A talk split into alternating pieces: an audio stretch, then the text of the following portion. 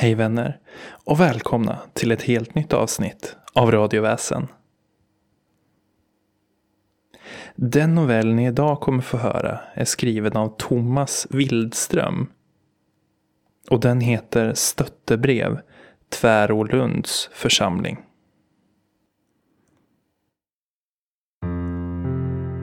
Den som gråter öppet ser man. Andra blir tysta och drar sig undan. Vi i församlingen tyckte att det var viktigt att nedteckna detta stöttebrev för att alla ska få ta del av händelserna som en del av sorgarbetet och som vittnesbörd över Jesu kraft. Det har varit en prövningens och ansningens tid för vår församling och Johannes har inte hämtat sig ännu. Det fick bli jag, Pernilla, som fick sitta ner vid pennan. Sorgen över Albins fasansfulla död vilar ännu över oss.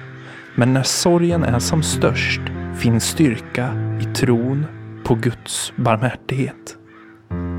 Trots det fasansfulla som hänt vittnar det om hur Jesus Kristus fortfarande har makt att fördriva det onda. Som ni alla känner till så är det en fasansfull historia Jonny och Inga var älskade församlingsbor och deras sons Albins död tog hårt på oss alla. Tidigt förra våren hittade man ritade djävulsansikten i Jonny och Ingas stall. Inga blev givetvis förskräckt. Alla visste hur involverade i kyrkan de varit och att sonen blivit mobbad för detta. När djävulsansiktena uppträdde trodde man först att det var ännu ett försök till att retas med den stackars pojken. Men fler och fler oförklarliga saker började att hända. Stallet blev ovanligt varmt trots att våren var ovanligt kall. Djuren var oroliga och det var inte ovanligt att familjen blev väckta mitt i natten av att hästarna skriade. Polisen tillkallades och man pratade både med ungdomarna i Albins umgängeskrets och föräldrarna till dessa. Dock verkade både föräldrarna och barnen vara lika upprörda över vad som hänt och det gick till och med så långt att familjen Andersson kände sig så anklagade att de flyttade. Oron i stallet fortsatte dock och i sin förtvivlan vände man sig till vårt samfund. Ni känner alla vår präst Johannes och hans fantastiska jobb med församlingen. Hans jobb med ungdomarna och föräldrar på byn har varit en väldigt positiv kraft, både för församlingen och för byandan. Ingen kan klandra honom för att först inte ta Jonny och Ingas oro på allvar. Man kan inte heller klandra honom för att han inte på rak arm visste hur han skulle hantera det. När den stackars pojken försvann spårlöst och de polisiära insatserna ökade försvann Johannes också ett tag.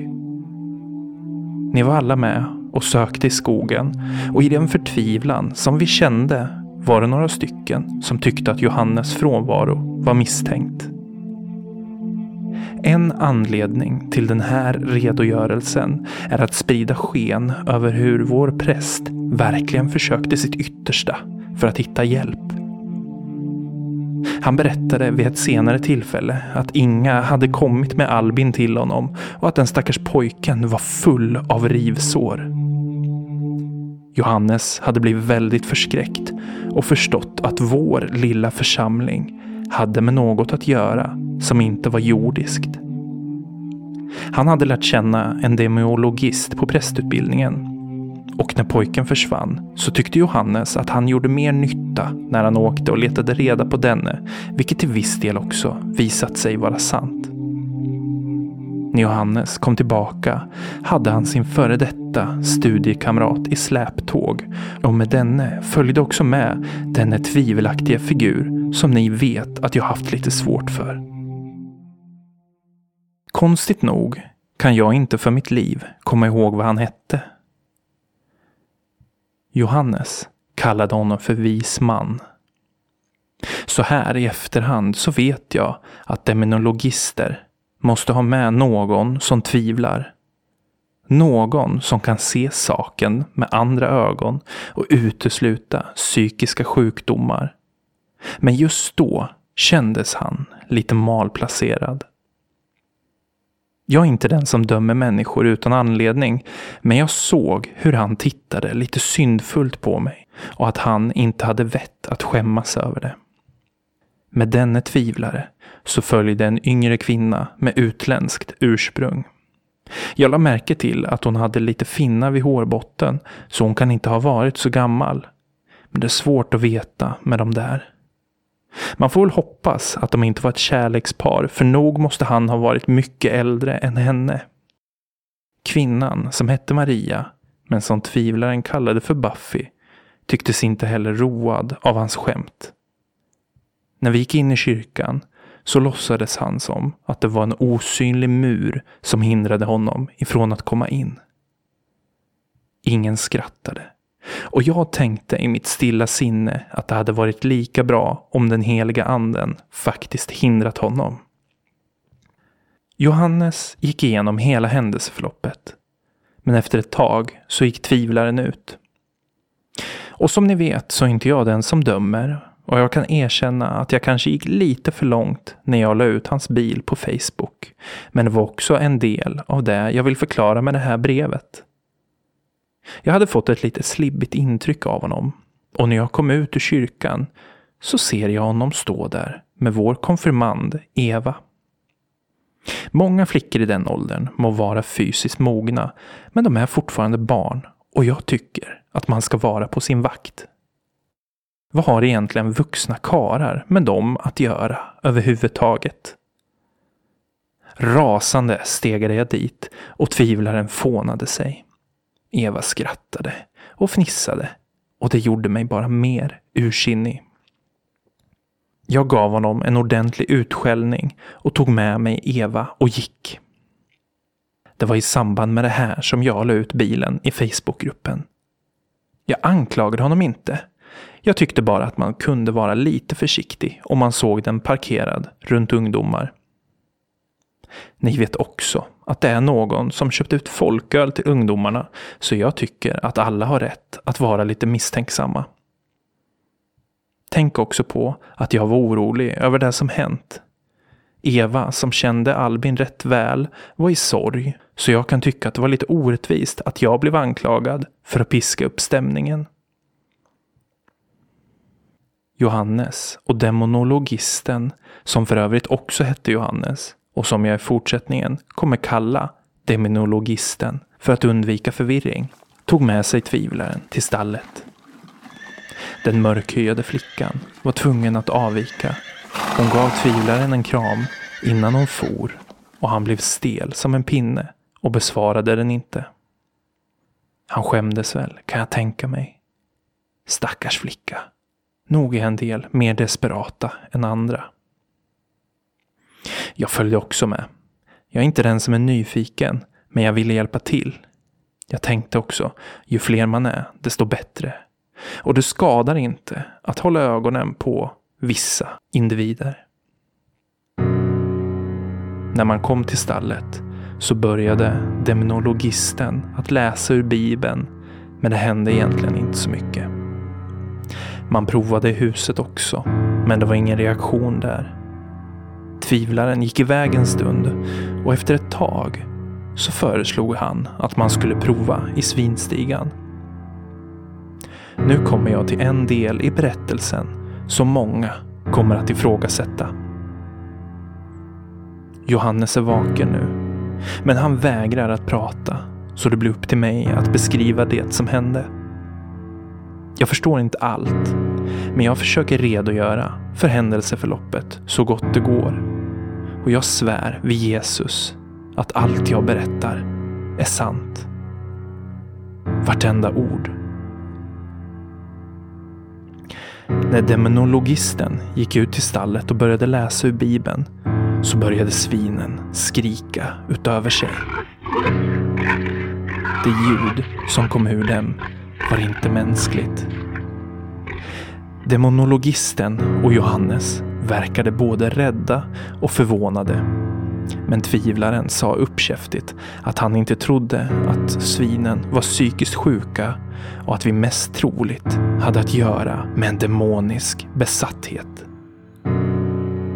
Jag blev inte inbjuden att dela. Ni känner mig. Jag är inte den som tränger mig på, men inte heller den som skyggar från att ta ansvar.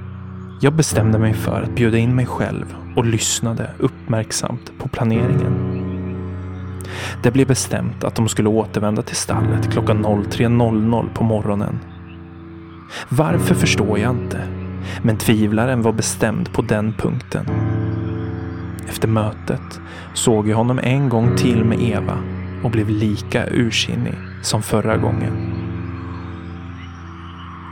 Precis som tidigare stegade jag fram mot dem, men när jag kom fram så talade tvivlaren till mig och plötsligt kom en enorm trötthet över mig. Jag var medveten om att jag borde ha skällt ut honom, men jag blev så otroligt trött och passiv. Som om alla händelser tagit ut sin rätt och jag vände bara för att gå och lägga mig. Jag vaknade vid tvåtiden, vilket inte är så konstigt då jag lagt mig redan klockan sju. Jag beslöt mig för att skynda mig till stallet och invänta de andra. Jag är inte den som lägger mig i, men jag var orolig för Eva och rädd för att tvivlaren lurat med henne till något som var henne övermäktigt. Och senare visade det sig också att jag hade rätt i att vara orolig. När jag kom till stallet var de andra redan samlade. Demonologisten började läsa ur boken och min närvaro ifrågasattes inte. Johannes såg rädd ut. Och när jag närmade mig grisstian så fick jag den underligaste känslan i kroppen. På en gång var jag alldeles säker på att jag skulle dö. Lika säkert som att svinden infinner sig när man tittar ner för ett högt stup kände jag hur benen vek sig och att jag med all säkerhet skulle avsluta mina dagar. Mina tankar gick till mina nära och kära och jag fick en ingivelse att ropa ut deras namn. Jag såg att Johannes och demonologisten kände detsamma. Mitt i all detta känslomässiga kaos så talade grisen. Jag kan inte skriva det på något annat sätt än rakt ut. Grisen pratade med grötig stämma och han frågade Johannes vad han hette.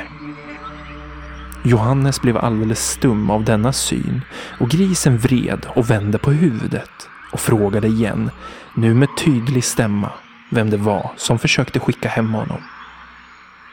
Johannes fick fram ett jo, men plötsligt var tvivlaren där och slog vår stackars präst. Johannes är inte så kraftigt byggd och ett sådant slag kunde ha dödat honom. Blodet rann ifrån näsan och Johannes stöp raklång. Det är svårt att beskriva den skräck jag kände vid det här tillfället. Johannes låg livlös på marken och demonologisten svettades och grät fram texter. Grisen ställde sig på bakbena. Och det är den mest fruktansvärda syn jag någonsin sett. Jag ville springa därifrån, men jag kunde inte röra mig. Demonologisten fick fart på benen och sprang. Nu var det bara jag och tvivlaren där. Och i det tillfället måste jag säga att han handlade med sinnesnärvaro. Han plockade upp en liten bibel ur en väska och bad mig att läsa. Grisen skrattade högt och jag blev rädd. Men tvivlaren sa något otydligt och ljudet av en mänsklig röst lugnade mig. Jag läste ur bibeln och tvivlaren gick nära grisen.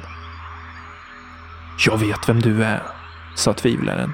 Jag är traktens visman och jag ska skicka hem dig. Grisen stirrade stint med sina små ögon och en kyla spred sig i kroppen på mig. Jag ökade volymen på mitt läsande och försökte fästa ögonen på den heliga skriften för att skydda mitt förstånd. Grisen, som fortfarande stod på två ben, blev som vansinnig och tuggade fradga, skrek och svor. Inget av vad han sa kan jag återge här. Inte heller minns jag allt. Hjärtat slog som en hammare. Tårarna rann och jag försökte läsa högt och tydligt.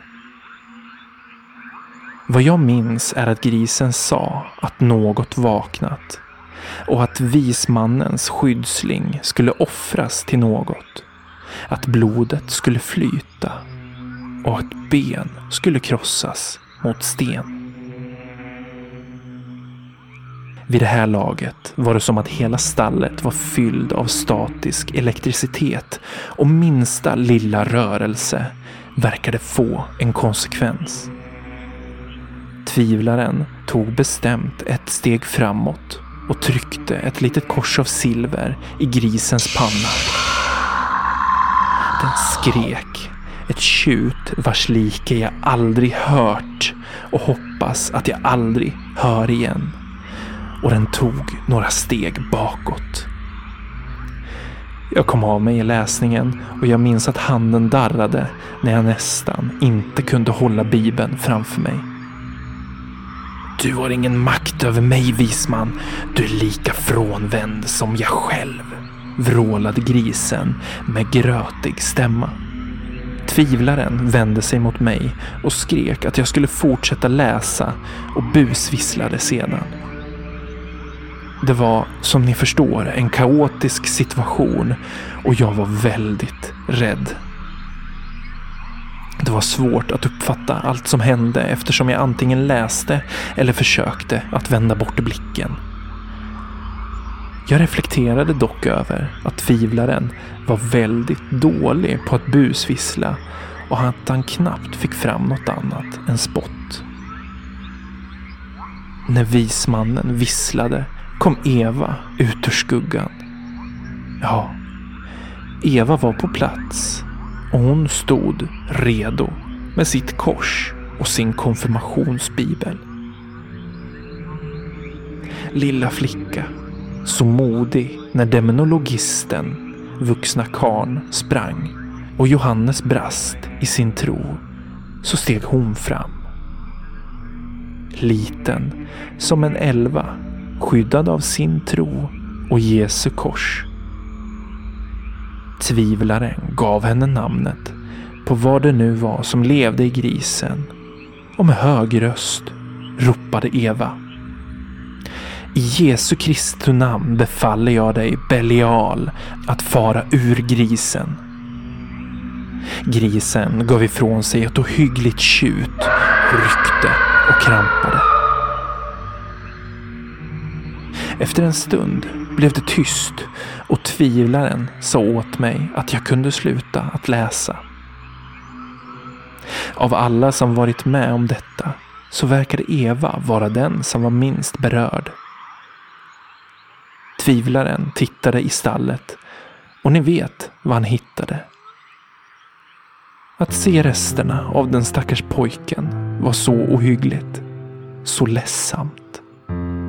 Men trots detta läste Eva en bön över resterna som grisen ätit på. Jag kommer knappt ihåg hur jag tog mig hem. Eva kontaktade polisen och tvivlaren försvann. Jag förstår att han var till hjälp. Men den verkliga hjälten är vår Eva. Ni vet att jag inte tycker att kvinnor ska prästvigas. Men nog har Gud i sin godhet stora planer för vår tös. Kära församling. Sök tröst i att Gud är god och att Jesus hör vår bön. Pernilla. Du har hört Stöttebrev Tvärålunds församling av Thomas Wildström. Uppläsare är jag, Erik Ekblad. Avsnittet har producerats av Johan, brorsan Ekblad. Och radioväsen kommer du höra av i framtiden. Tills dess, tvätta händerna, håll avståndet och fortsätt be till din Gud. På återhörande.